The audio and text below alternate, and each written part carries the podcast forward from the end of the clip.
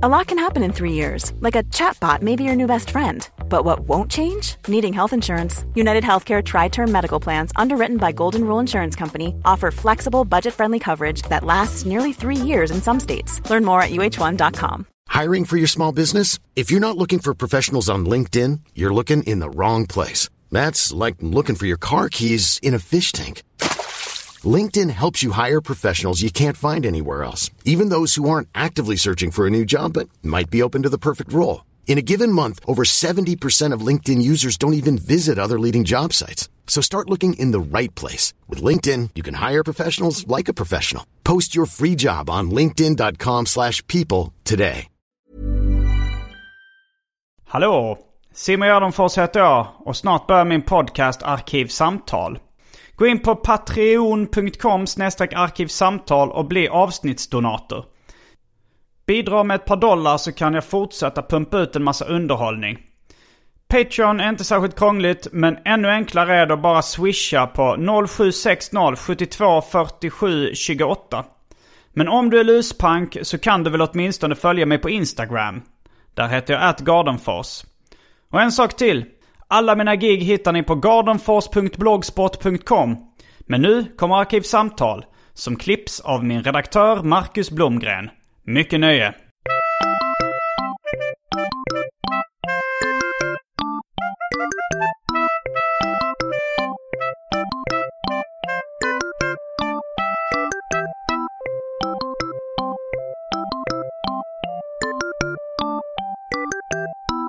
Hej och välkomna till Arkivsamtal. Jag heter Simon Gärdenfors och mitt emot mig sitter Fredrik Jonsson. Välkommen hit. Tack så mycket. Det är andra gången du är med, eller? Ja, det I är gången. Arkivsamtal.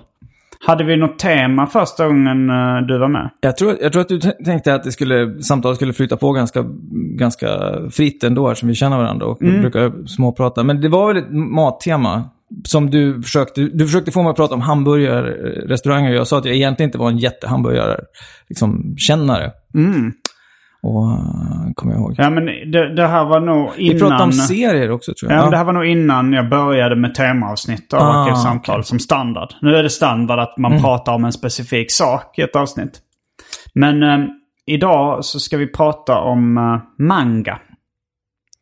Och eh, inte vilken manga som helst. Utan, utan eh, geckiga kanske. Framförallt. Det, det är ett begrepp då eh, så, som betyder alternativmanga ungefär.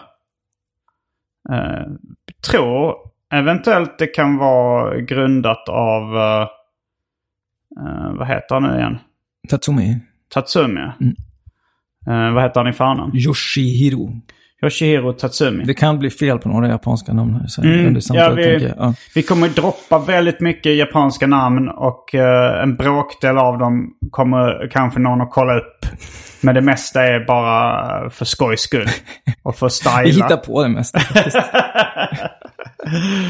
Ja, men eh, innan vi kör igång på allvar kanske vi ska kasta oss in på det omåttligt populära inslaget Välj drycken.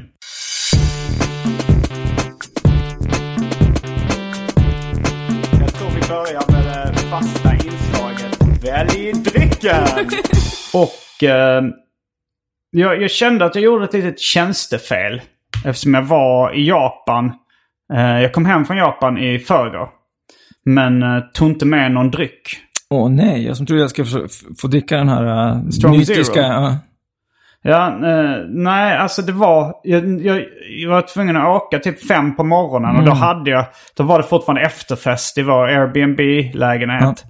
Och då, satt, då, drack, då hade jag en Strong Zero och en... Uh, någon uh, Shuhai med en teckning av eh, en, eh, en tecknare som jag gillar mycket. Som jag kollade upp. Han heter uh, Rohai Yanagihara. Eller något liknande. Jag har köpt lite, en bok av honom och...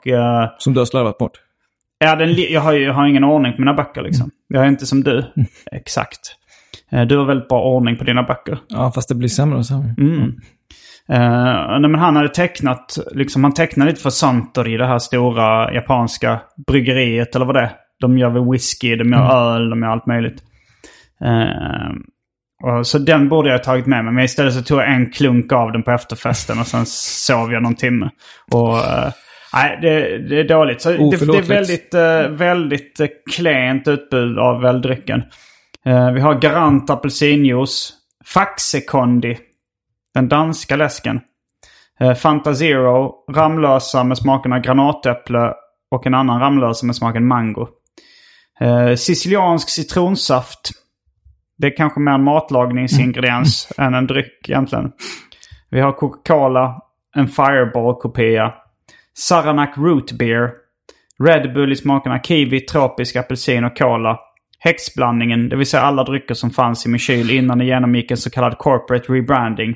Och för tråkmånsar och nejsägare, vatten.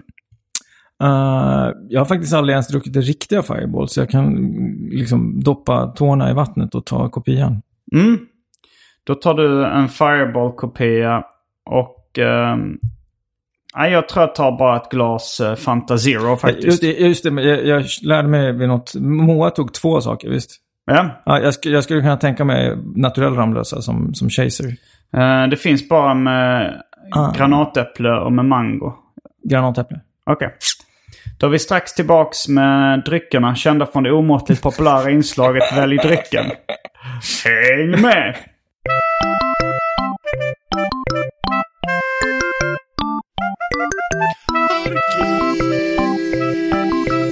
Eh, Då är vi tillbaks med dryckerna. Kända från det omåttligt populära inslaget Välj drycken. Ganska avslagen Ramlösa. Den har varit i min kyl väldigt länge. Mm, en kanske en liten kort presentation om eh, vem du är. Eh, kan, du, kan du bjuda lyssnarna på? Ska jag bjuda dig på det? Oj. Ja, mm.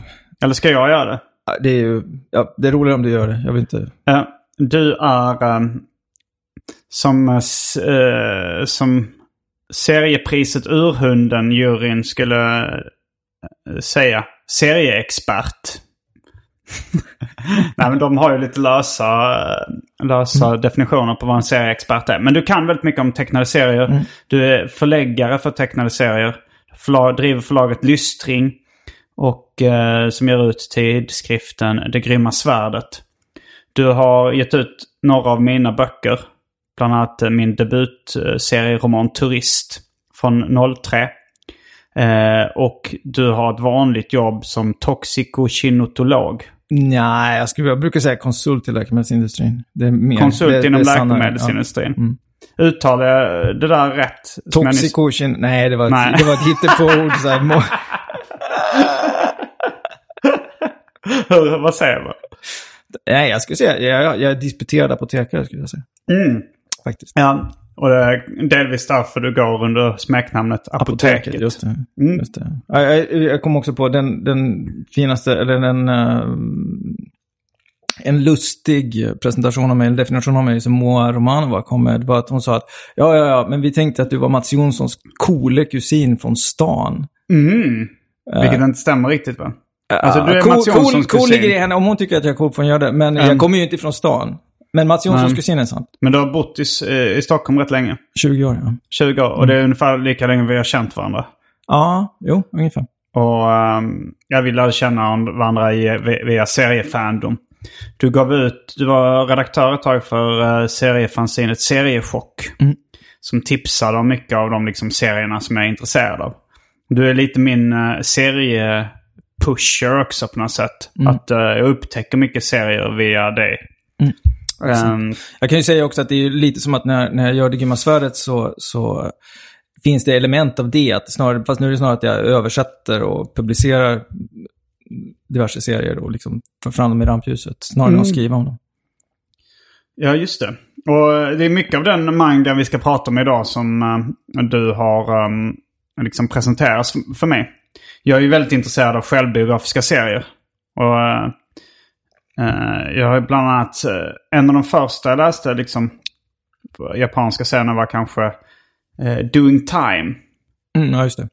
Vem är Hanawa? Hanawa, heter, ja. heter den Jag kommer inte ihåg vad han hette för honom. Ja, han gjorde en självbiografisk skildring. Han var, han var, Han var redan serietecknare, oj, sorry, sladden. Eh, han var redan serietecknare och ritade något, jag har, jag har inte läst serien han var känd för, men han var också samlare av vapen. Alltså museivapen. Och även om det var pluggade museipistoler så var det liksom, fanns det någon lag mot det där, så han åkte in i finkan. Så gjorde han en lång grej om, eh, en serieroman om sin tid i, i fängelse. Mm. Och den var ju den var intressant, men den skilde sig ganska mycket från... Alla japanska självbiografiska serier jag har läst har skilt sig väldigt mycket från eh, nordamerikanska och svenska självbiografiska serier. De har en helt annan inställning till sitt eget känsloliv. De ignorerar sitt eget känsloliv ganska mycket. Det är ganska mycket, en ganska, om man vill vara taskig, ganska ytliga skildringar. Ja, fast Alltså- i och för sig, jag tycker nog inte, jag måste säga, jag tycker inte att det stämmer på alla självbiografiska. Men, men det finns en skola som funkar så, skulle jag säga. Och, och om man vill vara mer, om man vill vara mer personlig i sitt eh, självbiografiska serieskapande så kommer det fram på andra sätt än det brukar komma ut i, i västerländska serier. Ja. Jo, det kommer fram lite eh, på konstiga sätt. Alltså i den här Dung Time då berättade han, det var väldigt mycket upprepande om vad han åt i fängelset. Eh, det var, det var, och han pratade ingenting om hur han kände, liksom vem han saknade eller... Nej, absolut ingenting. eh, absolut ingenting. Vilket är också liksom... Jag vet inte, i annan, när jag läst japansk litteratur som jag åt lite grann, jag läste en bok som heter Inte längre människa. Då är det sam, samma liksom distanserande från känslolivet eh, i den boken liksom. Det, Jo, jag tycker, jag tycker nog att om man tar fram känslolivet, om man, om man talar specifikt om självbiografiska serier, det, det är ju lite distans, men man kan ju få, få fram det på andra liksom, poetiska sätt och i bilderna och sådär. Och att man får läsa mellan raderna för att liksom, man ska förstå hur personen i fråga känner genom att titta på bilderna och, liksom tolka lite beskrivande text som är kanske lite poetisk och eterisk. mm. Jo, men jag tyckte absolut det kom fram, kanske mest mellan raderna när jag läste The Disappearance Diary. Har du läst den? Ja, ja, klart. Eh, de, nu nämner jag vissa som Vad finns. hette han då? Ah, gud, jag kommer inte ihåg vad han heter. Du har anteckningar det. Hideo Azuma. Just Och han eh, var känd för, eh, han gjorde någon slags, eh, jag tror, vet du, Thomas Antila som är en eh, svensk mangatecknare. Han skrev då att, att den här Azuma gjorde, först han gjorde något som kallas Lollicon. Det som i Sverige är känt som barnporr, enligt, uh, enligt tingsrätten i alla fall. Eh, nu, nu är, Nej men det, det är väl Mm, ja. gulliga, gulliga eh, snuskserier liksom, som kan tolkas som eh, att det är barn. Eh, men han, han var en sån tecknare, kanske till och med en, en, En pionjär inom ja. det, Mm. den stilen. Och, men sen så började han supa och vi pra- jag pratade lite om det här i förra avsnittet av Arkivsamtal. Men han började supa och eh, kunde inte jobba. Och liksom stack från sin familj. Vilket man får reda på i liksom en intervju med honom i den här amerikanska upplagan. eh, Som är publicerad. Eh, Jag kan ju bara läsa engelska men... Eh, men där, så, där är en intervju med den här tecknaren innan och då, så, då visade det sig att han hade liksom familj. För det nämner han Nej, det inte nämner han i... inte, nej, det nämner han inte i boken. Jag, jag, jag, tänkte, Att han- jag tänkte att det nämndes i boken eftersom jag läste boken och läste, Ja, det läste kanske nämns att han har en fru, alltså i Jo, jo, det förbifarten. men inte att han har barn. Ja. För han hade barn också. Mm. Men, eh, men där, där liksom mellan raderna fattar man ju att, han, att det är sån otrolig skam för honom att han inte liksom kan försörja familjen och att han är då... Eh, alltså det fattar jag genom att läsa den intervjun. Mm. Men... Och, Men det är och att han underförstått som försöker ta japansk livet läsare, av sig också. Det, det är också, antyder ju ändå Mm. att, han, eh, att han skäms väldigt mycket. Men har du läst eh, andra självbiografiska japanska serier där det, där det är tydligare liksom, känslomässiga skildringar? Eh, jag tänker på, vad heter han, Shinichi Abe. Eh, det är ju... Det, det låter bekant, men... Men, jag, men han, var, han var ju känd för att han var, jag tror vi näm, jag har nämnt honom privat någon gång. Var det stensamlaren? Nej, nej, det är, det är Yoshihara Tsuga. Okej. Vi, vi kanske ska bena upp det lite. Först Stensamlaren, det var någon, bara- jag har inte kunnat läsa den för jag tror inte det finns på engelska de serierna. Den ska komma på engelska snart faktiskt. Okej, men den det var en, under en man som samlar på stenar. Eller den heter, jag, jag, kanske bättre att jag gör referat eftersom jag har läst Mm. den eh, på franska. Då. Men eh, det är en man, den heter, vad heter den? Mannen, nej gud, vad heter den? På franska heter den L'homme sans talent, mannen utan talanger Talang. eller värde. Uh, Nowhere Man tror jag att den kan heta på engelska. Okej. Om, när den kommer på engelska på något sätt. Vilket förlag eh, så är det som gör Jag den på tror engelska? att det är New York Review Books. Mhm. Som ger ut då eh, hans brors uh, serier nyligen. Ja, men i alla fall, jag, jag backar bandet lite grann. Mm. Yoshi Tsuge är en av de ledande inom allt manga. Han är liksom så här uh, Japans svar på Robert Crumb. Att de, flesta, de flesta citerar honom som liksom, man har hört sånt där som att de, den japanska serietraditionen vilar på två, det finns två berg. Det är Osamu Tezuka och det är Yoshihara Tsuge.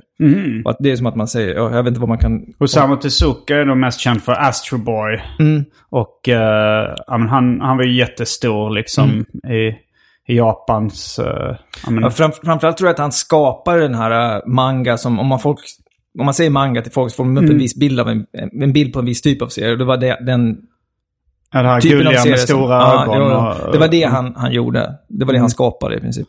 Okej, men... Man kanske kan jämföra honom med Hergé eller någonting, eller jag vet inte. Okej, och den och andra så killen? Tsuge, Tsuge skapar mer den här av- avantgarde-mangan. Eh, med eh, lite mer konstnärliga syftande.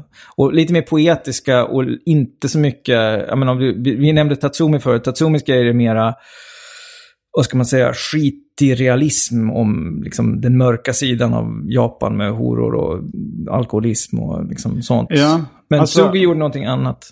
Men han, uh, Tatsumi, han gjorde en väldigt lång självbiografisk uh, serieroman som heter A Drifting Life. Mm. Eh, som då, den handlar väldigt mycket om hans seriekarriär. Han undviker också att prata om liksom väldigt mycket om sitt privatliv och sina känslor. Mm. Jo, det stämmer. Eventuellt så har han inget privatliv eller känslor. För det verkar vara som att han bara tecknar serier. Alltså, han slog väl igenom kanske var det på 70-talet eller 60-talet. Mm, Ja. och Det beror på hur du definierar slå igenom. I och för sig. Ja, men, men det är den årtiondet i Han var ju alla fall aldrig jättepopulär i Japan egentligen. Ja, han, lever han fortfarande? Han dog för bara något år sedan. Ja. Det kom en film Mm. om honom. Eh, Ja, just det. det som jag inte har lyckats se. Nej, den var inte så himla bra. Nej, men han i alla fall, det verkar som han, han liksom lever sitt liv genom att teckna serier hela dagarna och sen eh, eh, så spelar han pachinko Mm. på kvällarna. Liksom. Deras uh, spelhals, eh, liksom vinna pengar. Mm. Grej. Så han satt och rökte och spelade alltså, i serien. Mm. Och liksom det verkar som att, om han, att han inte liksom haft några romantiska relationer överhuvudtaget. Det är så här, i scenen, i boken så skildrar han någon scen när det är någon, någon kvinna som är lite flörtig som kommer upp till deras seriestudio. Liksom, att det verkar vara så här, en liten flört han haft under hela sitt liv. Liksom. Ja, ja.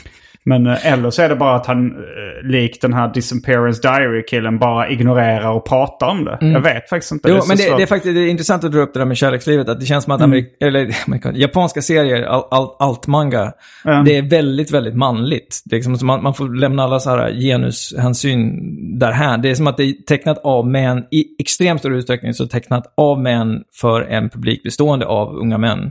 Mm. Och som sen då, allt eftersom tiden går, blir de äldre och äldre.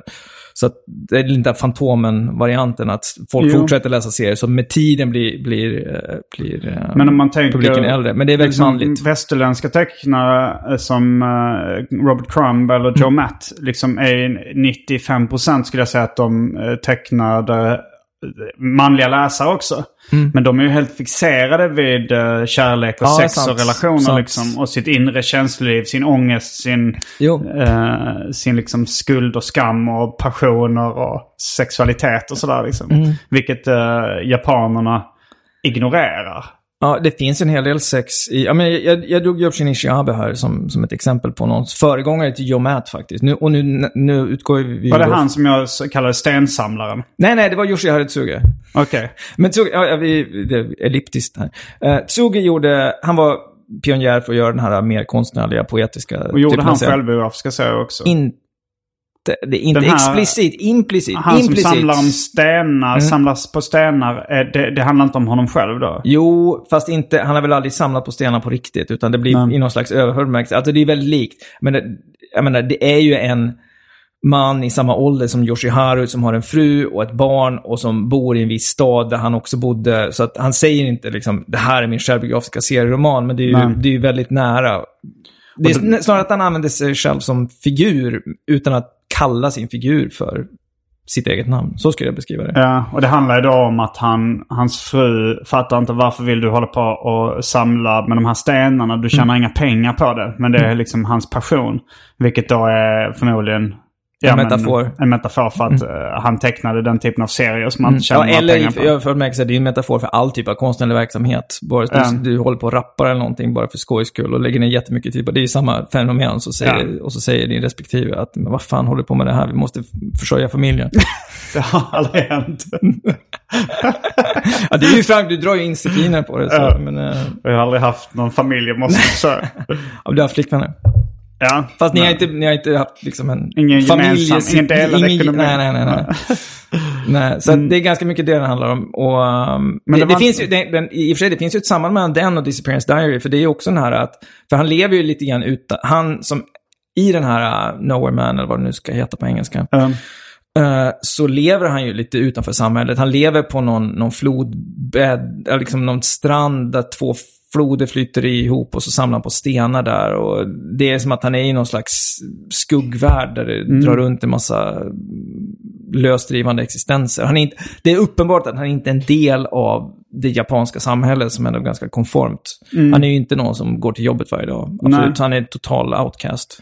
jag, har, jag har ju faktiskt Självvald sett outcast. filmen som är Ja, baserad det. på den här serieromanen som är en spelfilm då. Den är bra. Ja, den verkar ha kommit på 80-talet eller? Var det ännu Jag tror det tidigare? är sent 80, tidigt 90 tror jag. Okej, för den ser väldigt gammaldags ut. Mm, ja, men serien är ju från mitten av 80-talet. Så att, um, Okej. Men han var inte det, det där andra benet av uh, Jo, det är han. japanska Det är. Yoshi Haritsuge. Det är han. Haritsu, Haritsuge. Yoshi Haritsuge. Och han är stensamlaren. Ja, som det. jag Ja. kallar honom. Ja. Okej, och men, eh, men det var inte han som var en föregångsgestalt för Robert Crumb eller? Nej, föregångsgestalt vet jag inte. Eller Men, eh, nej, nej, det, jag, det jag sa var ju att det finns en annan eh, tecknare som då heter Shinichi Abe. Abe, Som, okej. som inte finns översatt annat än till franska. Men Mm. som igen, det är på gång. Det ska komma, tror jag, i höst någon engelsk översättning. Han Mm. gjorde självbiografiska serier där han var ganska, här kommer Joe Matt-aspekten in, han var ganska självutlämnande och han lämnade ut sin flickvän väldigt mycket, vilket också känns väldigt Joe Matt. Mm. Eh, och det gjorde han ju redan typ 1900, ja, sent 60, ja, åren kring 1970. Mm. Så då var han ju definitivt före eh, de amerikanska självbiograferna. Ja. Eh, Men han gjorde ju det på en, med en helt andra för, liksom, en helt annan, eh, ett helt annat idiom än eh, vad de här amerikanska tecknarna Vad använde. betyder nu idiom? Ja, eller vad ska man säga, approach till serieberättande kanske man kan säga. Okej. Eh, utan det var ju mer ett Yoshi Haritsuge-influerat poetiskt berättande. Och det var det jag skulle komma in på, att det, då kanske han inte, han skildrar ju inte sitt eget känsloliv explicit och, säger, explicit och säger nu mår jag så här, nu mår jag så här, nu mår jag så här. Utan Mm. snarare så har han lite, lite poetiska sätt att, att få fram känslor på. Mm. Ehm, ja, det är, nog, det är nog de som jag liksom har kommit över som japanska självbiografiska Mm. serier som finns på engelska. Det är då Doing Time, Disappearance Diary, A Drifting Life. Sen så har jag inte hittat så mycket mer. Uh, självbiografiskt? Mm, eh, jag, tänkte, jag trodde, jag på trodde att, jag trodde att eh, vårt, vårt fält här var liksom altmanga, inte Ja. självbiografisk Jag kommer altmanga. sätta titeln manga på Ah, det här ja. avsnittet. Bara för att locka in ovetande. Jag lärde mig förresten också att gekiga egentligen var mer av en term som man använde för eh, eh, vuxenserier i allmänhet. De behövde inte vara så jäkla liksom, alternativa för att kallas för gekiga. Utan det var markera Ja. att det här är tänkt för en någorlunda vuxen publik. Alltså inte mm, pubertetsungdom. Mm. Ja, Utan men det här är tänkt för 18 Tatsumi som, som då A Drifting Life när han skriver då, när han började. Han sa att han började göra serier som var inspirerade av film. Istället för, alltså som är mer filmiskt berättande. Så det var ju liksom kanske action och äventyr fast de var inspirerade av, eh, av ja, så det, det är ju inte liksom självbiografiskt på det sättet då. Eller liksom Nej. det är det är bara någon slags, ja, ja vuxenserie var det väl med. Ja, men Och han det- kände väl till miljöerna och personerna som han skildrade. Fast det var ju inte... Det, jag vet inte hur självupplevt det var i sig. Nej. Men sen var det ju den... eh, eh, är han japansk, amerikansk? eh, Adrian Tomini. Just det. Adrian Tomine, eller hur det ska To, me, ja, uttalas. to mine. Jag vet inte. Eh, Ja. Men han, för han var då ett fan av uh, Tatsumi och, och eh, liksom fick sitt förlag då som är Drawn and Quarterly, det kanadensiska förlaget, att ge ut uh, Tatsumi på engelska. Eh, och det, det är liksom vissa av de här amerikanska alternativsällskapen också. Chris Ware har ju då liksom eh, snackat mycket om eh, sin att han var väldigt inspirerad av en gammal japansk serietecknare som heter Tagawa. Som jag också kollade upp som... Eh, ja, men han gjorde väl serier så, på 40-talet som... Det är inte så mycket vuxenserier. Så, Nej, det det är liksom. inte vuxenserie, men det liksom den grafiska inspirationen är det extremt eh, viktig för bland annat mig. Jag kollar upp liksom, jag gillar Chris Ware och kollar upp hans eh, grafiska förebilder. Och Tagawa var ju, han, han har också så här slipcase på sin bok så att man fick en liten kassett. Som jag då gjorde i Död kompis, direkt inspirerat av eh, den här eh, Tagawa. Ja, men, Eh, Men han måste ju varit före, han var ju långt före då Osama Tezuka också. ja, just det. Det var han. Kan, och, det, och ändå så är Tagawa, det är ändå lite runt och gulligt. Liksom, Jo. lite i den här manga... Jo, fast det är, inte, det, är inte, det, är ett annat typ av berättande. ja, det är lite mer som så Fritz the Cat och Musse Ja, Pigg. det är mer gammaldags serieberättande. Jag, jag tror att Tezuka förde en viss, ett visst sätt att berätta Ja. serier på med snabba klipp och hur man komponerar en sida och sådana saker. Som är närmare dagens underhållningsmanga för, för tonåringar eller barn. Nej, princip. men det, är- det är väl liksom, det finns tre, tre, tre, fyra saker skulle jag säga som intresserar mig med japanska serier. Eh, dels är det ju då de självbiografiska serierna, för att det är, det är en genre som jag gillar i allmänhet, i, framförallt i västerländska serier. Och sen så är det ju då det grafiska, saker som bara är snygga. Ehm, eh, matserier. Eftersom jag är matintresserad, det vet jag att du också är. Så då har jag ju läst. Men det är där, där är det ju verkligen inte alternativmanga. För matserier i Japan är ju extremt mainstream. Om man går in på 7-Eleven så finns det en massa olika matserier. Jag läste uh, Oishimbo à la carte. Det är väl den eh, som är vanligast då eh, att hitta på engelska. De, de har getts ut i... Hur många volymer är det? Jag tittar bakom mig. 10-12 dussin kanske på, Jag på engelska. På engelska finns det nog, ja men åtta kanske. Eh, men eh, i Japan så är det liksom en av de bäst säljande serierna som har liksom hållit på hur länge som helst. Jag tror nu har de en paus av olika anledningar. Det var lite problem när eh, de gjorde ett nummer om Fukushima och hur det påverkade maten. Och, och regeringen gillar inte riktigt att han att han tog upp de negativa aspek aspekterna av det. Liksom. Men, men enligt honom själv så var det inte därför han slutade eh, teckna, utan det var någon annan anledning. Men jag, jag misstänkte lite att han Ah, fick ja, ja, påtryckningar. ja. Från, Nej, nej, ja, det är intressant att du tar upp Fukushima. Det finns ju en, en serieroman som kom på, som jag redan hade läst på franska för flera år sedan, men som kom på engelska i år. Mm. Som behandlar just eh, kärnkraft och liksom kärnkraftskulier som håller på och rengör och städar kärnkraftverket och är väldigt eh, exponerade för strålning. Mm. Av en tecknare som heter Katsumata.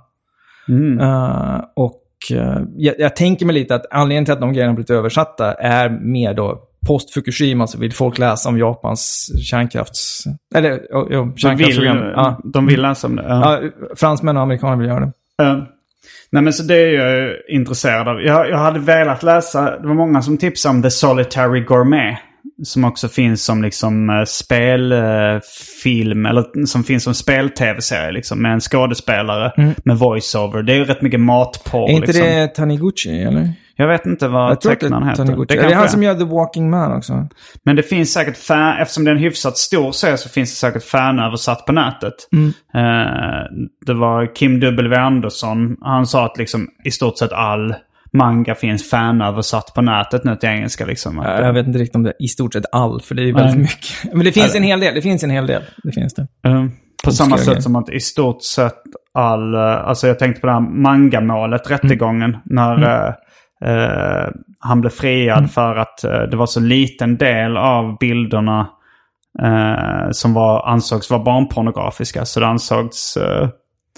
Eh, så det ansågs... eh, Det var uppenbart att han inte var pedofil liksom. Ja, det var väl inte... Det, det var väl något kryphål. eh, De hit, de, svenska rättsväsendet ville verkligen fria honom, märktes det. Så att de liksom hittade någon liten, liten grej de kunde hänga upp en friande dom på. Det vill säga att det var så liten del av de här bilderna som ansågs vara barnpornografiska så att det ansågs orimligt att, att döma honom för, för det. Jag, jag, jag kan inte exakt alla detaljerna, Mm. men det var något sånt. Jag, men, jag menade, det var, det var bara en, en utvikning på uttrycket i stort sett allt. Men till exempel den här stensamlaren, den finns, den finns på... Den finns fanöversatt? Fanöversatt. Okej. Sen några år tillbaka. Ja, liksom. Solitary Gourmet är jag helt övertygad om Mm. att det finns fanöversatt. Men det finns inte i tryckt form på engelska vad jag Mm. det är väl vet. inte samma nivå En- på översättningarna heller på om det är fanöversatt såklart. Nej. Men som sagt, den här stensamlaren ska komma inom ett antal månader. Ja, och låter- till och med det, ett franskt förlag som ska ge ut alla liksom, samlade verk av Yoshi Harutsugi nästa år. The Complete Harutsugi. Ja. Ryan Reynolds here from Mint Mobile. With the price of just about everything going up during inflation, we thought we'd bring our prices down. So to help us, we brought in a reverse auctioneer, which is apparently a thing. Mint Mobile unlimited premium wireless. Ready to get 30, 30, bit to get 30, bit to get 20, 20, 20, bit to get 20, 20, bit to get 15, 15, 15, 15 just 15 bucks a month. So, Give it a try at mintmobile.com slash switch. $45 upfront for three months plus taxes and fees. Promo rate for new customers for limited time. Unlimited more than 40 gigabytes per month. Slows. Full terms at mintmobile.com. Quality sleep is essential. That's why the Sleep Number Smart Bed is designed for your ever evolving sleep needs. Need a bed that's firmer or softer on either side? Helps you sleep at a comfortable temperature? Sleep Number Smart Beds let you individualize your comfort so you sleep better together. JD Power ranks Sleep Number number 1 in customer satisfaction with mattresses purchased in-store. And now, save 50% on the Sleep Number limited edition Smart Bed for a limited time. For JD Power 2023 award information, visit jdpower.com/awards. Only at a Sleep Number store or sleepnumber.com. Planning for your next trip?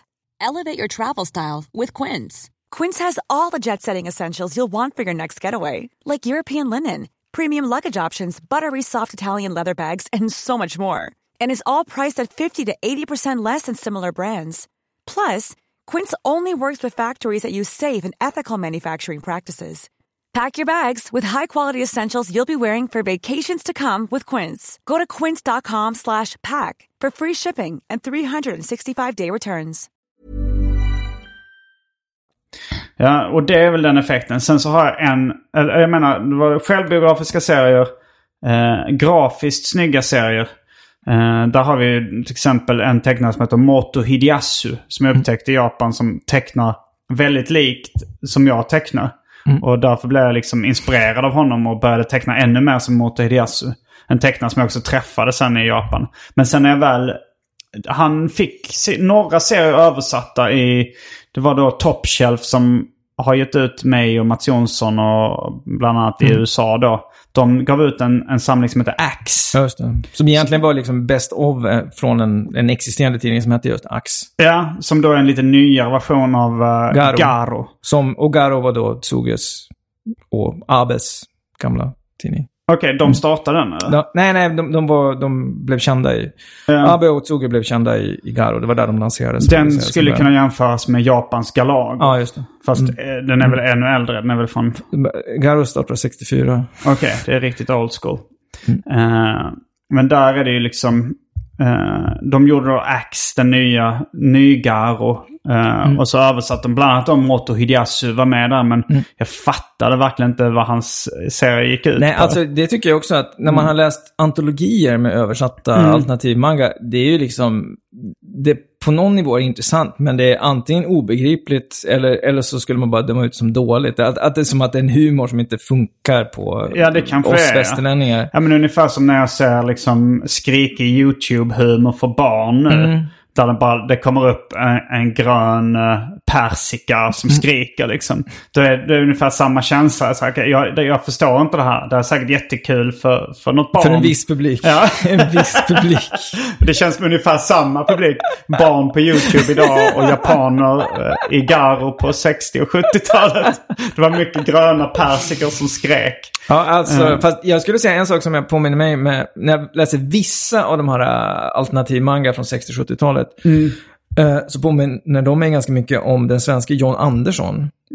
Eh, Alltså att det är svårbegripligt och lite surrealt och så är det lite konstigt. Det är ganska distanserat och Alltså surrealistiskt Ja, och, och lite konstigt. Alltså, jag, jag säger inte att allt är så, men vissa, de, de mer utflippade tecknarna, de Mm. är väldigt lika John Andersson. Jag har faktiskt tänkt så långt som att John Andersson Han borde, han borde översätta sina serier till engelska och skicka dem till ett japanskt förlag så skulle det kunna finnas en publik för hans grejer. Ja, det kanske stämmer. Eh, men, det, men just rent estetiskt också så liksom i Garo så, så upptäckte jag eh, King Terry. Ja, just det. Terry Hook... Vänta. Terry- Terro... Hur, hur uttalar du hans namn? Jag säger King Terry. Terry Hook och Yomura. Mm. Något sånt. Men King Terry, Flamingo Studios heter han. Mm. En, eh, en tidig spelare i det som i Japan kallas Heta Uma. Som i Sverige kallas fulsnyggt. Hatgubbe. Hatgubbe, ja men eh, fast det blir ju väldigt snyggt. Uh, alltså King Terrys omslag till Garo tycker jag är fantastiska. Jag har köpt jättemånga sådana bara för att jag tänker att någon gång ska jag rama in dem. Eller ha dem på display monter i min bokhylla. Eh, för de är så jättesnyggt snyggt färglagda. Och, ehm, men jag kommer ihåg också eh, att vi, var i, i Japan med ett gäng Galago-tecknare liksom och bläddrade runt på bland eh, alternativmangan på då kanske framförallt Mandarake som är den stora kedjan för uh, tecknade serier. Det går, att hitta en avdel- det går att hitta en avdelning med alternativ manga också. Ja, på, eh, på uh, Mandarake i Nakano Mm. har de väl det i alla fall. Mm. För jag kommer ihåg att jag var på en, någon slags japansk bokhandel i Kuala Lumpur som hade jättemycket manga. Men det kändes som att det var, att hitta liksom den bra avdelningen var ju helt kört. Men har du väl varit i Japan? Nej, Aha. närmast Kuala Lumpur är närmast. Nej, kanske Ulaanbaatar kanske är Ja, närmast. just det. Du beskrev det i något radioprogram någon gång som att du... Jag kommer ihåg att du, du sa så här, när någon, du skulle prata om japansk noise-musik som då är ett annat intresse du har. Så sa du så här att, eh, nej men det är lite som, eh, vad heter han nu, den danska regissören? Eh, Von Trier. Von Trier. Ja, du sa bara så "Ja, men det är lite som von Trier. Och sen så, jag förstod inte vad du menade i det radioprogrammet. Men så, sen efterhand så frågade jag dig så sa du så, ja men von Trier han är ju helt fixerad vid USA men har aldrig varit i USA. För att han är flygrädd. Ja. Men det är inte där, det är inte på grund av flygrädsla. Nej, det har inte- ehm, Hur kommer det sig att du inte har varit i Japan? Jag har aldrig... Jag har aldrig åkt dit i jobb, aldrig blivit skickad dit i jobbet Mm. och eh, jag har dessutom ungar som kanske inte riktigt skulle... Ja, men om, jag ska, om jag har tre barn och ska åka på semester, lång, Mm. lång semester, så känns det ju lite slösigt att åka till Japan om de är ganska små och inte förmår uppskatta det efter förtjänst. Eh, Så. jag. Men, men alltså det, det finns på kartan. Nu är de så stora så nu finns det på kartan att göra. Men jag kommer ihåg då när vi var där med Galago att Mats Jonsson blev eh, förtjust i någon gammaldags eh, serietecknare. En tjej som hade tagit Mm. livet av sig och verkade göra, och tecknade lite som Mats Jonsson gör. Jo, jo, hon verkar jättebra. Jag köpte den boken eller? Vad heter, Jag, vad jag, kommer, hon? Jag kommer verkligen inte alls... Du får ta det här i, i någon slags efterkommentar. Mm. Jag har ingen aning om vad hon hette. Men det verkar väldigt intressant faktiskt. Och just att hon var kvinna var också ovanligt. Jag, jag känner till, det finns någon... I Garo till exempel, då fanns Mm. det, vad jag vet, en kvinnlig tecknare. Och hon var ju en av de som gjorde de mest liksom, poetiskt obegripliga serierna. Ja. Men... eh, Annars är ja, det är ganska tomt. Ja, det såg ju altmanga. snyggt ut den där. Det såg ja, det, ja, coolt det, där ut det såg väldigt bra ut. Men eh, ja, vi får försöka eh, ta tag i det. Jag Mm. för, jag för mig att Mats sa att han ville få den översatt och utgiven på, kanske då på Lystring förlag Mm. ifall. Eh, men det, det är väl en, en sån, Ja, det är ju svårt också med någon som har varit död ett tag. Det är som att det, det är inte så mycket... svårt att hitta rättigheterna. Ja, eller det är fram, framförallt det är inte så mycket um, tryck och, och liksom, vad ska man säga, känns inte så hett kanske. Ens för japaner om det är någon som varit död ett tag. Nej. Utan liksom, ja, ja, hon var verksam ett tag, sen, sen tog hon lite av sig och sen bara... Men du snackar om något eh, japanskt förlag eh, som nu ganska nyligen har börjat ge ut serier på engelska. Ja, just det, just det. Det, det, det också, borde vara upp för din gren. Det är ett galleri som heter Black Hook eh, som finns i Tokyo. Du, jag tipsade dig om det också, men jag vet inte om du tog det dit. Mm. Nej, det blev inte. aldrig av. Mm. Det var mycket som jag skulle göra i Japan. Bland annat köpa Strong Zero. Ja, inte ens det lyckades jag lyckades köpa det och dricka det där. Ja, ja, ja. Men eh, eh, sen men i alla fall, de, jag, tror att, jag tror att det är någon engelskspråkig individ som är insyltad i det där. Så att han har någon, någon slags eget intresse av att mm, liksom föra ut, Mm. sprida evangeliet. Men de har då, det, just och det är det förlaget Black Hook som ska ge ut den här Shinichi Abe. Själv, Den här tidiga självbiografiska pionjären. Och, eh, men de spretar ganska mycket. Det de har givit ut nu, det är något som är väldigt, eh, som heter, vad heter det? Jag tog med i en kasse, vänta. Det heter... Då tar med dig en kasse manga. En kasse manga. Eh, det heter Uh, Dokudami Tenement av Takashi Fukutani. Vad är det för någonting? Uh, ja, det är då egentligen, det är ju långt senare än, än den här poetiska avantgarde artsy fartsy mangan från, som fanns i Garo på 60-70-talet. Det här var en ganska brett populär serie på 80-90-talet som handlar om, vad ska man säga, en, en halvalkoholiserad, eh, sexuellt frustrerad slashas som hankar sig runt på småjobb och, och om hans slackerliv i Tokyo. Mhm. Och eh, den av dem, det här är volym 3 då som de har givit ut. På engelska? På engelska, fast det är utgivet i Japan och det är utgivet i sån här, nu är det här radio så att man kan ju inte se, men det, det är utgivet i det här manga-formatet, du vet med så här Uh, mjuka, mjuka pärmar. Vet- Stor pocket. Ja, tankabon heter det formatet. Och eh, nej, det är väldigt intressant faktiskt. Och just den här... Som Den är bra, har du läst den? Den är, jag, jag, det här är volym 3, jag har allt tre. Den, här kom, den här trean kom nu i höst. Och just den här är ännu mer intressant om man ska tänka så här idpol och den här har ett queer-tema. Identitetspolitik. Ja. Att eh, han... eh, ja, storyn är i princip att den här slashasen, han går ut och han lyckas faktiskt uh, ragga upp någon. Men, Det är en kille. En kille. ja, killen, ja, Huvudpersonen är en kille som sagt. Det är ju Ja. alternativ manga, det är bara väldigt kill. Förutom hon som tog livet av sig, som vi har glömt hon det. heter. Ja. Haneda, kan man heta det? ja, det låter vagt bekant. Men i alla fall, han går hem med någon. Eller var det flygplatsen? Han går hem med någon över natten och sen så vaknar han nästa morgon så inser han att han har blivit uppraggad raggad av en, en queer transvestit. Mm. Och sen så, under hela, det är, det är som en 150 sidor lång historia. Sen så utvecklas det att han, han liksom blir... Det är lite oklart om de faktiskt har haft något sexuellt. Eller, han är så full när han går och lägger sig, så han vet, det, det framgår inte om de faktiskt har gjort the deed Men, han och transvestiten. Men då blir han liksom kompis med den här transvestiten och han börjar gå på, jag tror att han ramlar in på en transvestit bara av misstag.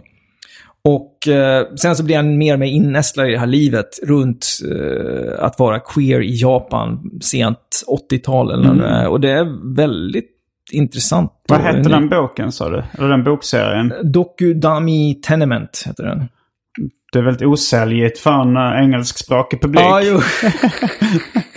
ja, det, är också, det är också väldigt konstigt. För, och, och, sen händer, och, och som framgår att den här transvestiten från början, han har varit tvungen att bryta, bryta med sin familj. Att familjen har ertappat honom med liksom en dildo i röven och iförd kvinnokläder. När de hans dotter och hans fru har kommit hem och ertappat han honom. blir uh, transperson och queer själv efter ett tag då? Nej, inte huvudpersonen, utan han, han, är, han, han är ju också så här äh, bögnojig sen, så han, Mm. han är ju väldigt främmande inför det.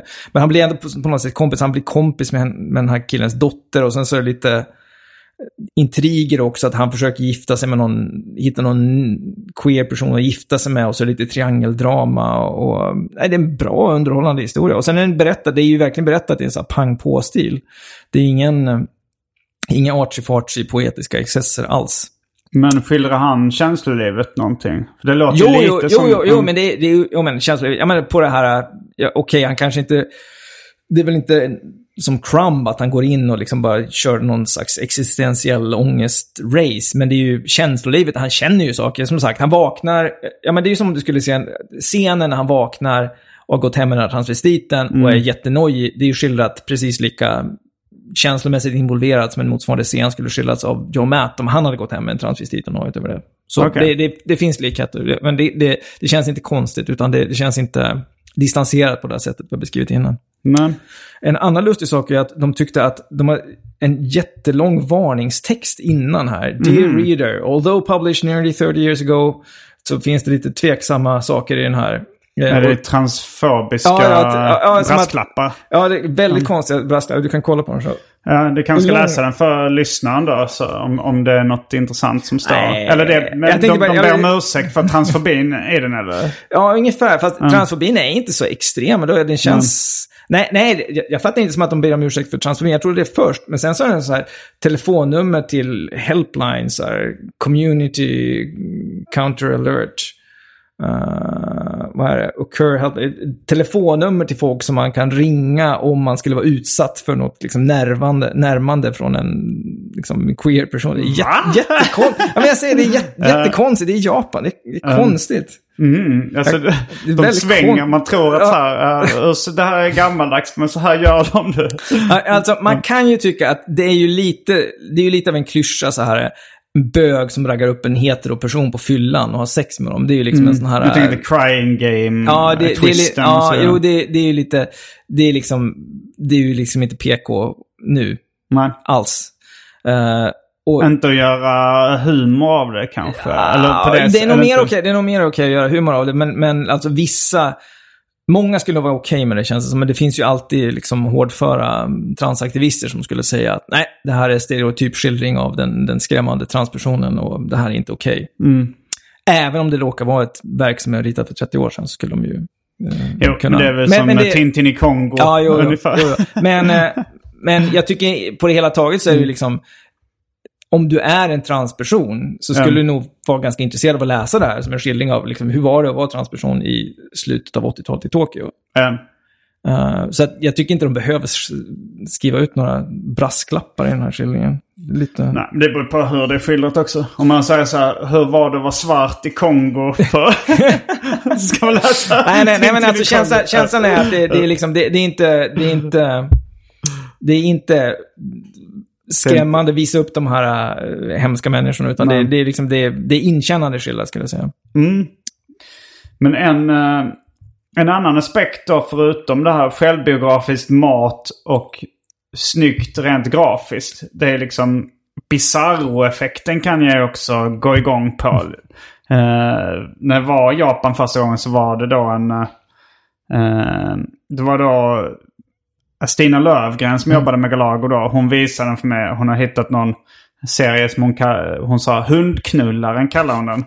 Det var det eh, Nemoto. Takashi Nemoto. Ja, just det. Han är också en sån heta Uma. Ja, fulsnygga tecknarstilen. Och han, jag tror han har tecknat en del i Garo också. Eh, och han, eh, han har blivit utgiven på engelska nu också av Picture Box. Ett litet indieförlag som jag tror inte finns längre Nej, det finns från inte USA. längre. Men, eh, men där var det ju, där, bara kolla på bilderna var det så extremt bisarrt. Det var någon gammal gubbe som var så här extremt grov och liksom tog en hund från några barn och började knulla hunden inför dem. Och det är ganska tecknat på ett ganska skojigt sätt. Det är, så, han, det är väldigt, väldigt grovt. Alltså, eh, grövre än många låttexter jag varit med och skrivit. Eh, Man, kan, man, kan ju, man, tramsigt man borde ju nämna Gengoro Tagame också när vi tar upp sådana här saker. Han är ju ganska Vem är extrem. Eh, han är en... eh, från början så var han väl egentligen en bögporrtecknare. mm. Eh, Men sen har han gått över till att rita lite, lite bredare saker. Men eh, jag var hemma hos Henrik Bromander och han hade ju varit i Japan då och köpt på sig att... eh, Var inte, var det inte samma resa? Jo, vi, jag var med på den resan. Jag kommer ihåg att han köpte en del bögporr-manga Ja, och en och Ja, det var väldigt mycket, väldigt extremt. Typ att, ja, vad var det? Det var någon som var, han blev fastbunden och sen så blev han utsatt för diverse övergrepp och så var de skildrade väldigt explicit. Sen var det ritat in ganska så här, ja, det är lite Tom of Finland över det. Om Ja. du tänker en manga-version av Tom of Finland, det är Jo. stora muskulösa eh, homos som liksom Mm. sätter på varandra i alla upptänkliga öppningar. Hela Ja. tiden. Väldigt mycket sex nästan. Det, det är ritat nästan mest för att säljas i så här undercover, halvt undercover på i så här bögporrbutiker från Mm. början. Det var det han ritade för från början. Ja, nej men eh, det finns ju verkligen så här lite något för alla Mm. eh, inom japanska serier. Det finns ju liksom, speciellt inom sexuella fetischer Mm. så finns det ju alla, eller liksom, inte, Mm. inte bara fetischer utan sexuella läggningar, böjelser, Mm. små eh, sexuella antydningar åt olika håll. Jag har inte riktigt bevandrat mig i, i eh, vad heter nu porrmanga? Alltså, Finns det ett namn på det? Vad heter det? Do...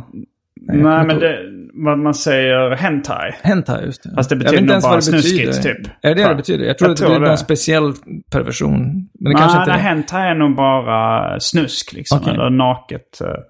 Ja, men då är, då är ju, då är ju Tagame definitivt hentai på det Mm. sättet. Men jag kommer ihåg också att Henrik Brumander höll- tyckte och lobbade, ja men de här grejerna borde man kunna köra i Galag. Och, Mm. ihåg att, och jag kände verkligen, Snarare i Pox eller Epics då. Ja, Horst. Schröder var ju mer inne på så här att, att han var ju lite bredare i sin smak. han gav ju ut rena porr. Ja, Ja, om, om Horshöder, jag tror inte Och han Tagame, gillar ju bög. Han tyckte Jo, jo. bög var bra också. jag tror så. inte Tagame var aktiv under de år som Horst Schröder var aktiv som en serieutgivare. Så det var, det var, det var, det var en, en, en match made in heaven som aldrig kommer att hända. Mm. Liksom för att det inte synkade. Men det intressanta med Tagame är ju att han har ju också gått vidare. Han är ju liksom en, en bra serieberättare. Och han har gått vidare, så hans senaste grej som jag såg när jag var i den lokala seriebutiken här i Stockholm, för serier, att, eh, att den har kommit på engelska då en skildring av att växa upp med två pappor i samtida Japan. Det är liksom en sån här snäll allålders-serie som han Ja. har gjort. Eh, jag vet inte om den... Ja, man måste ändå kunna klassa den som någon slags altmanga. Då har han hållit igen jättemycket. Det, man, man kan ju dra parallellen till Henrik Bromander igen. Att man börjar med att vara väldigt explicit och sen så går man liksom bli mer lite nedtonad i sina Ja. Bromander gjorde väldigt mycket eh, grova sexskildringar från början. Men sen blev mer intresserad av subtila stämningar i det mänskliga inre. Det är ingen slump att vi nämner honom här också, för han har också ett intresse för... för han skrev en essä i Dygmasfäret där han tog upp uh, Yoshiharu Tsugis bror, Tadao Tsugi. Som också är serietecknare. Ja. ja, med hans bok också. Mm. För jag vet just att Henrik Bromander har pratat om någon japansk serietecknare. Han har visat för mig också. Eh, som bland annat handlar om bergsklättring. Ja, ja, men det är Jiro Taniguchi. Okej. Och han finns utgiven på engelska? Ja, han finns på danska till och med. han är stor. Ja, han, är, han dog också nyligen. Det, vi pratar om... alla, alla, alla vi droppar är antingen geriatriker eller döda. Men... ehm, Vad sa du? Antingen är de... geria- äh, antingen är de jättegamla eller som döda. eh, Ehm, ja, eh, jo, men Taniguchi, han är, han är ganska annorlunda för det känns som att han har tittat ganska mycket på västerländska serier. vem är nu Taniguchi? Var det bergs, Bergs, Bergskillen, ja. bergsbestigarmangan? Mm, mm.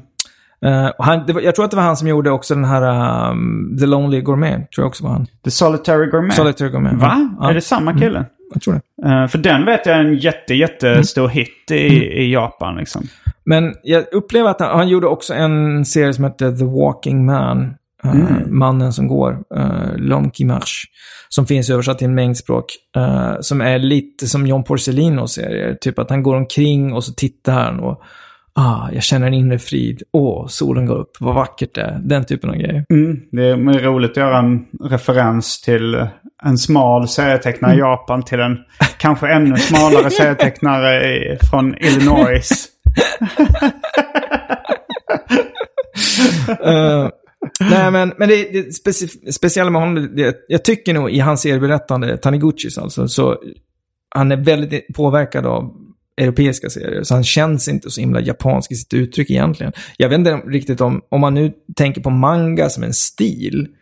Som en tecknarstil. Ja, eller som en stil att teckna och berätta i. Men i den är ganska vittfamnande. Man tar allting från Tetsuka till King Terry liksom.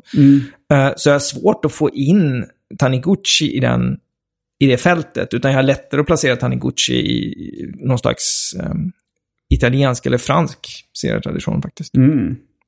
Men de här bergsklättrarserierna, eh, gillar du dem? Det... Jag har inte läst dem faktiskt. För Bromander tyckte de var väldigt bra. Men de verkar också vara ganska så här stillsamma skildringar av Mm. Jag gillar, eh, jag, naturen. gillar, och... jag tror, I vanlig ordning tror jag att jag har en av bergsklättrarvolymerna, men jag har inte hunnit läsa dem. Jag plöjde ett par volymer eh, manga den här mm, i morse, efter att du ringde hit mig, bara för att komma, fiska upp min, Komma ikapp. Komma ikapp. Vad var det du läste då? Eh, då läste jag, eh, jag läste en serie av, eh, vad heter han, Baron Yoshimoto som är mer någon slags mainstream manga som också kom tidigare i år. Men den var inte, den var inte så himla bra. Alltså, eh, jag säger. Ma- mainstream gekiga skulle jag säga. Alltså att det var serier... Mainstream alternativserie? Ja, eh, Eller mainstream, mainstream, vuxenserie? mainstream vuxenserier. Och det var i förordet till den boken som jag lärde mig att gekiga, det var inte jag medveten om, att gekiga i Japan används för alla typer av vuxenserier. Även sånt som är ganska, eh, ja, som är mer epics än det pox, eller man ska säga. Som är mer, mindre alternativt och mer svennigt. Gekiga kan vara allting som riktar sig till en publik som inte är... Skulle du säga att Oishimbo räknas som gekiga? Ah, ja. Okej. Mm. För jag- Enligt, enligt då Ryan Holmbergs förord till den här Baron Yoshimoto-boken. För jag kommer ihåg eh, när vi, vi var då med Galago Mm. i Japan och hade en utställning där på svenska ambassaden. Och då var det, då var det liksom japaner där som, för vi sa så här, ja, men vi, jag trodde då liksom att, eller manga är ju det japanska ordet för serier.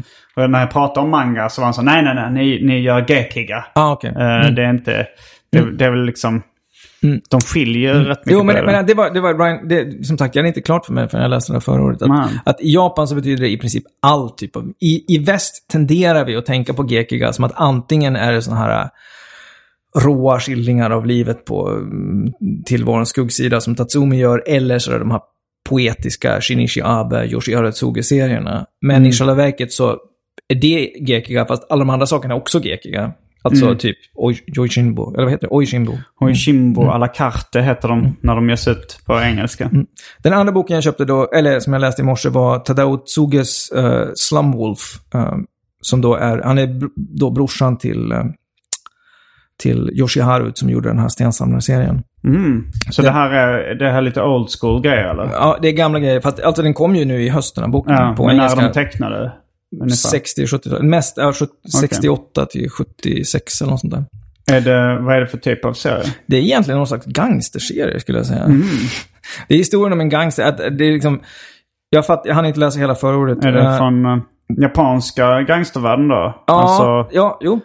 Jo, fast det är inte gangster, gang- utan det är mer liksom låglivsvärlden nedanför gangster. Så att folk inte, folk är småkriminella. Det är men inte Yakuzan, eller? Nej, inte Yakuzan. Yakuzan nämns ibland, fast Mm. mer som ett hot. Att om det ska bli en riktig fight. Ungefär, ungefär som i Simons 120 dagar när du börjar hota med att, ja men ska jag, ska jag hämnas på den här så, så kallar jag på Piratos. Ungefär på den nivån figurerar Yakuzan i, i den här boken. Utan Mm. för det mesta rör sig folk på bara en allmän låglivsnivå. Eh, men om jag förstod saken rätt så växte Tsuge, han är född 41. Eh, men han lever fortfarande. Och, och eh, när han växte upp då, 50-60-talet, då var ju, det var ju jättefattigt efter kriget. Så att det var ju ex- extremt usla och karga förhållanden vad gäller allt. mm. Och det är den typen av värld han skildrar egentligen i de här serierna. Så äh, jag, tyckte den var, jag tyckte den var bra. Och det var som sagt Tadao Tsuge som... Det fanns en volym av honom på engelska sen förut som Ronny Courtley har givit ut. Mm. Förmodligen på grund av äh, Adrian Tominis äh, förmedling då. Ja. Ehm, ja, han är ju... Alltså jag har jag lä- försökt, jag gillade väldigt mycket då. Alltså det var ju Tomaini som eh, plockade upp A Drifting Life. Mm. Verkar det som. Och den gillade jag väldigt mycket. Men de andra liksom lite, han gjorde ju... eh, alltså Tatsumi gjorde så här lite novellserier. De fattade jag inte riktigt. De tyckte inte det var så alls lika bra. Om jag ska rekommendera någonting så skulle jag nog ändå säga att man tar sig igenom A Drifting Life. Som är också så en av de liksom tjockaste serieromaner jag någonsin läst. Det måste vara 700 sidor eller något sånt där. Och skildrar hans ganska händelselösa liv. Jo, på, på ett väldigt nördigt och så här konstigt sätt också. Ja. Men, Det eh, finns ju fler. Det finns en... Vad heter han nu? Ja, gud. Vad heter den? Nej, jag tappade. Det fanns någon som gjorde en skildring av livet i, på någon eh, söderhavsö under andra världskriget. Mm. Mitsuki, så heter han nog ja. Shigeru Mitsuki. Onward towards our noble deaths, heter den på engelska. Mm. Det, det Den är en- 800 sidor tjock, liksom. men den är väldigt lätt, mm, lättläst. Men alltså, man måste ju kanske... Alltså, det är ju en rätt upp och ner krigsskildring, så om man tycker att det är för grabbigt och jobbigt så kanske man inte tycker det är så jättekul. Men jag tycker det är en bra skildring. Men är den, eh, har han själv varit med i kriget? Ja, ja, han var med. Han var, han var Okej. där. Han var där. Men det var inte självbiografiskt? Jo, jo. jo Okej. ja, den är självbiografisk. Aha. För han har också gjort en självbiografisk skildring av hela sitt liv. Mm. eh, som Jaha, är vem i Shigeru Mitsuki. Okej. Men igen, han är också, han skildrar, han är också en sån person som skildrar Och den sitt liv. finns inte på engelska? Jo, det eller? finns på engelska. Alltså nu, nu är det mer så här nörd-analia. Det finns, han har gjort en serie som heter A History of the Showa Era. Mm. Som Ronny Courtley har givit ut i, tror jag, fem, 500 sidiga volymer eller något sånt där. Okej. Och det är den krigsserien? Nej, nej, då finns krigs, kriget finns med. Krigsserien Mm. är separat, det är bara en novell. Det var 800 sidor novell. Liksom. det är ingen roman. Romanen är flera tusen sidor. Eh, först kom Onward towards a Noble Deaths. Och sen kom den här uh, uh, History of the Showa-era. Showa-eran var ju då när uh, de har de här sätt att definiera historia på Japan. Att, och så länge man, en viss kejsare är härskare så är det Nej. den eran. Ja. Mm. Eh, och eh, den är, tror jag, fyra volymer.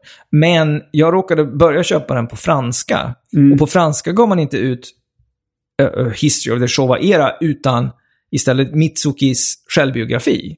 Mm. Som är nästan samma sak. Det är som en, en remix av samma grej. Att Jaha, men är det samma serie? delvis samma serie, fast självbiografin pågår Han har ju levt efter det att Showa-eran tagit slut, så han har fortsatt att rita grejer som har hänt efter att Showa-eran tagit slut. Men då är han ju gammal, så det händer ju inte så mycket spännande. Sen har han klippt ner i den här självbio-varianten, då har han tagit bort en massa så här historiska grejer. Så jag skulle nog säga att den franska varianten är bättre, för att det är som att han har självbio-grejer om, Mm. ja, ja, du tänker dig memoarer. Ja. Och sen har han korsklippt det med så här, ja ja, och det här var 1931, ja men då in- invaderar vi Manchuriet och bla bla bla. Och så är det några sidor som är ganska torrt berättande, som berättar om vad som hände liksom, med Japan i stort. För att det ska vara en historia över Showa-eran. Och i den här självbio-varianten så har han tagit bort ganska mycket av de här historiska grejerna Ja. och, och klippt ner det. Eh, vilket gör att det funkar bättre som serie. Det påminner lite om Mats Jonssons nya Norrland där han delvis skildrar sitt eget liv men också vill Ja, liksom berätta Det är om, sant. Om Norrlands historia. Mm. Skulle kunna vara en influens, men jag är ganska säker på att det inte är det. Men det, det stämmer, det, det är samma anslag. Men det är den typen av... Är det samma typ av japansk självbiografiska serie då att han inte skildrar sitt känsloliv speciellt Mm, nämnvärt? stämmer, stämmer. Det är väldigt mycket, det är väldigt lite romantik om man säger så. Det är rätt konstigt för Ja. liksom, det är hoppet från det som jag ser som liksom det vardagliga känslolivet till det här liksom extremt bisarr sex. Ja, jo, Det- det, det finns hoppar- ingenting, det finns fin- emellan. det- det- är mycket prostituerade också i många av de här serierna. Att, att liksom de sexuella kontakter som män har innan de gifter sig, det är hos horor liksom. Ja, Jag vet inte hur det ser ut i Japan idag, men jag antar att det var så det såg ut på 60-70-talet åtminstone. Det kanske det var. Nu tror jag det är nog lite mer uh, frisläppt. Men jag kan ganska... eh, Jag är inte så jätteinsatt i Sen kan man ju också, man tänker också den här miljön som Tadao Tsugi växte upp i. Liksom att halva Japan var en enda stor slum. Då kanske det inte är så konstigt att prostitutionen frodades. Nej, men det det, fanns- finns... Jag ser också en parallell med liksom de här... eh, liksom skapande machokulturen inom serier som också inom rapmusik. Liksom Om man kollar på amerikanska rappare så skildrar de liksom bara kontakter med strippor och kanske inte så mycket prostituerade. Men liksom det är väldigt lite av det som är liksom det vardagliga romantiska livet. utan Eller, det, eller liksom att man umgås med kompisar av motsatt kön. Ja, det är inte så vanligt heller. Nej. Eh, men... eh, nej, men, så det, men det, det gör ju en viss exotisk touch till det också. Att man får, man får lära sig lite om liksom, en annan kultur på det sättet. Okej, okej, det här pratar, verkar man inte prata högt om. Eller eh, det här verkar inte vara en stor del av folks... Eh, antingen är det då att mm, de inte bryr sig om det eller att det är fult på något sätt att prata om det. Det, det är väl också, det är ju så eh, extremt, eh, det japanska samhället. Om jag har förstått saken rätt. Det är ju ganska stort, för normala svenniga personer i Japan så är det ganska stort avstånd mellan män och kvinnor. Att, att det, kvinnor är hemmafruar och männen åker till jobbet och jobbar 12 timmar om dagen. Ja. är så. Jag vet inte om det är så fortfarande, Jag tror det har luckrats upp ganska mycket. Men jag, alltså, jag, Men- min bild av Japan präglas ju av gamla serier från 60, 70, 80-talet. som jag läste. Lever kvar i det förflutna. Eh, är det någonting vi eh, har glömt att, att säga om, om manga? Det Eller har finns vi... massor att säga. Jag kan Nej, sitta och jag prata tror vi har sagt allt om, manga. Alltså, det hade ju bara skrapat på ytan också. Det, här, det, det, det, liksom, vi har, ju- det är sagt, eh, alltså vi, har- vi har ju inte pratat om mainstream manga överhuvudtaget. Eller jo, kanske då... eh, Oishimbo. Ja, det är mainstream manga och Osamu Tezukas Astro Boy var väl också rätt eh, mainstream på något sätt. Vi har inte, vi har inte gått till, till botten med Astro Boys eh, Men, unika kvaliteter. Alls. nej, men jag, jag uppskattar, jag, alltså Astro Boy så jag tecknade filmen när jag var liten. Det gick på tv när vi bodde i Australien med min familj ett halvår ungefär. Och då gick det liksom som morgon tecknad film-tv. Och där lärde jag mig, det tyckte jag var roligt. Det var liksom ändå en, eh, en robotpojke. En vetenskapsman vars son dog.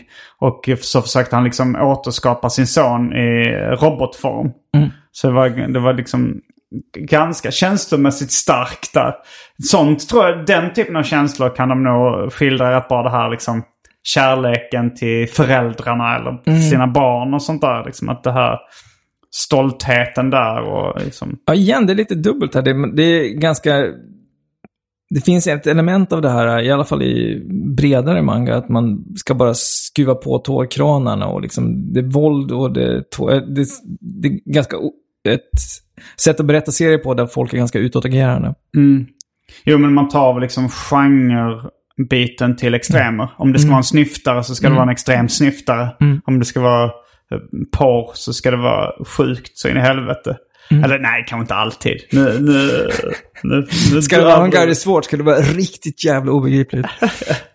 ja. Ja, ska det vara surrealistiskt så Ja. ska det vara riktigt surrealistiskt. Ja, men det finns såklart... eh, eh, det, det, det är aldrig lika roligt att, att försöka vara, berätta att det är mångfacetterat. Nej, nej, nej. Man- det, man vill man, vill, ofta man, vill, dra man, i- vill, man vill dra det till sin spets och Ja. komma med fördomar. Och, Ja, men då kanske vi ska börja runda av. Eh, har du något du vill eh, göra reklam för? Kommer du med någon ny bok på Lystring förlag? Eller ger, ger du ut någon ja, ny? just det, just det. Jag gav ju ut manga i, i år faktiskt. Mm, faktiskt. En, en, en, en, ja. Jag gav ju ut boken uh, Sadboy. Av, Ja, just det. Det av, var eh, jättebra. Fast den- det var ju inte japansk Ja, men det var ju manga. manga. Det var ju manga. Det var, ju, Ja, Eller var det Gekiga?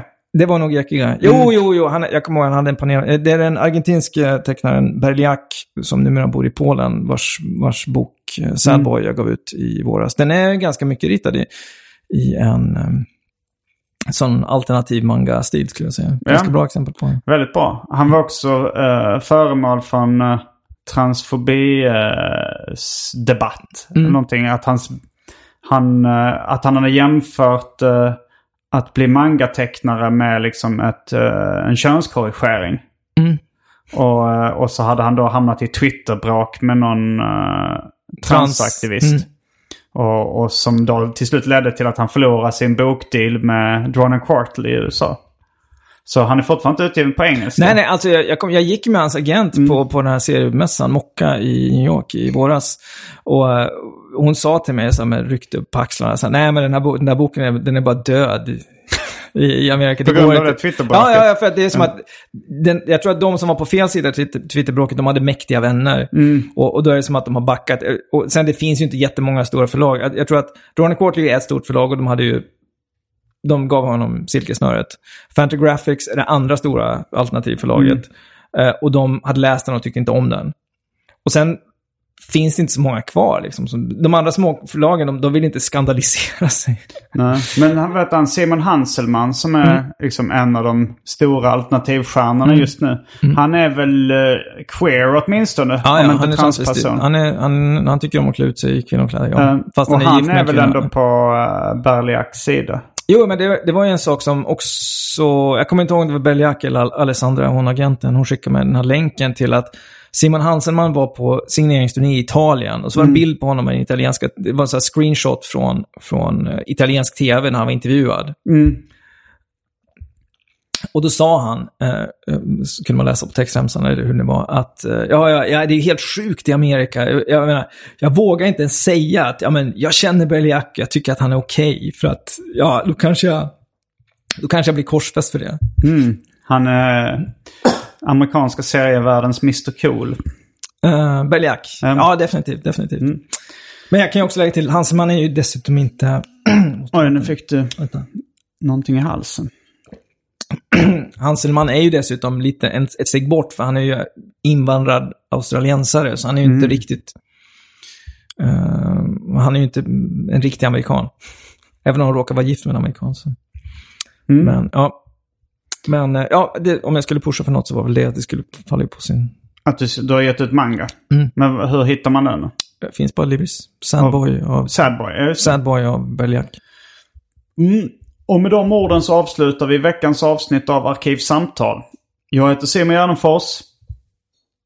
Fullbordat samtal. Nej, du ska säga ditt Nej, namn. fan! Fredrik Jonsson. Fullbordat samtal.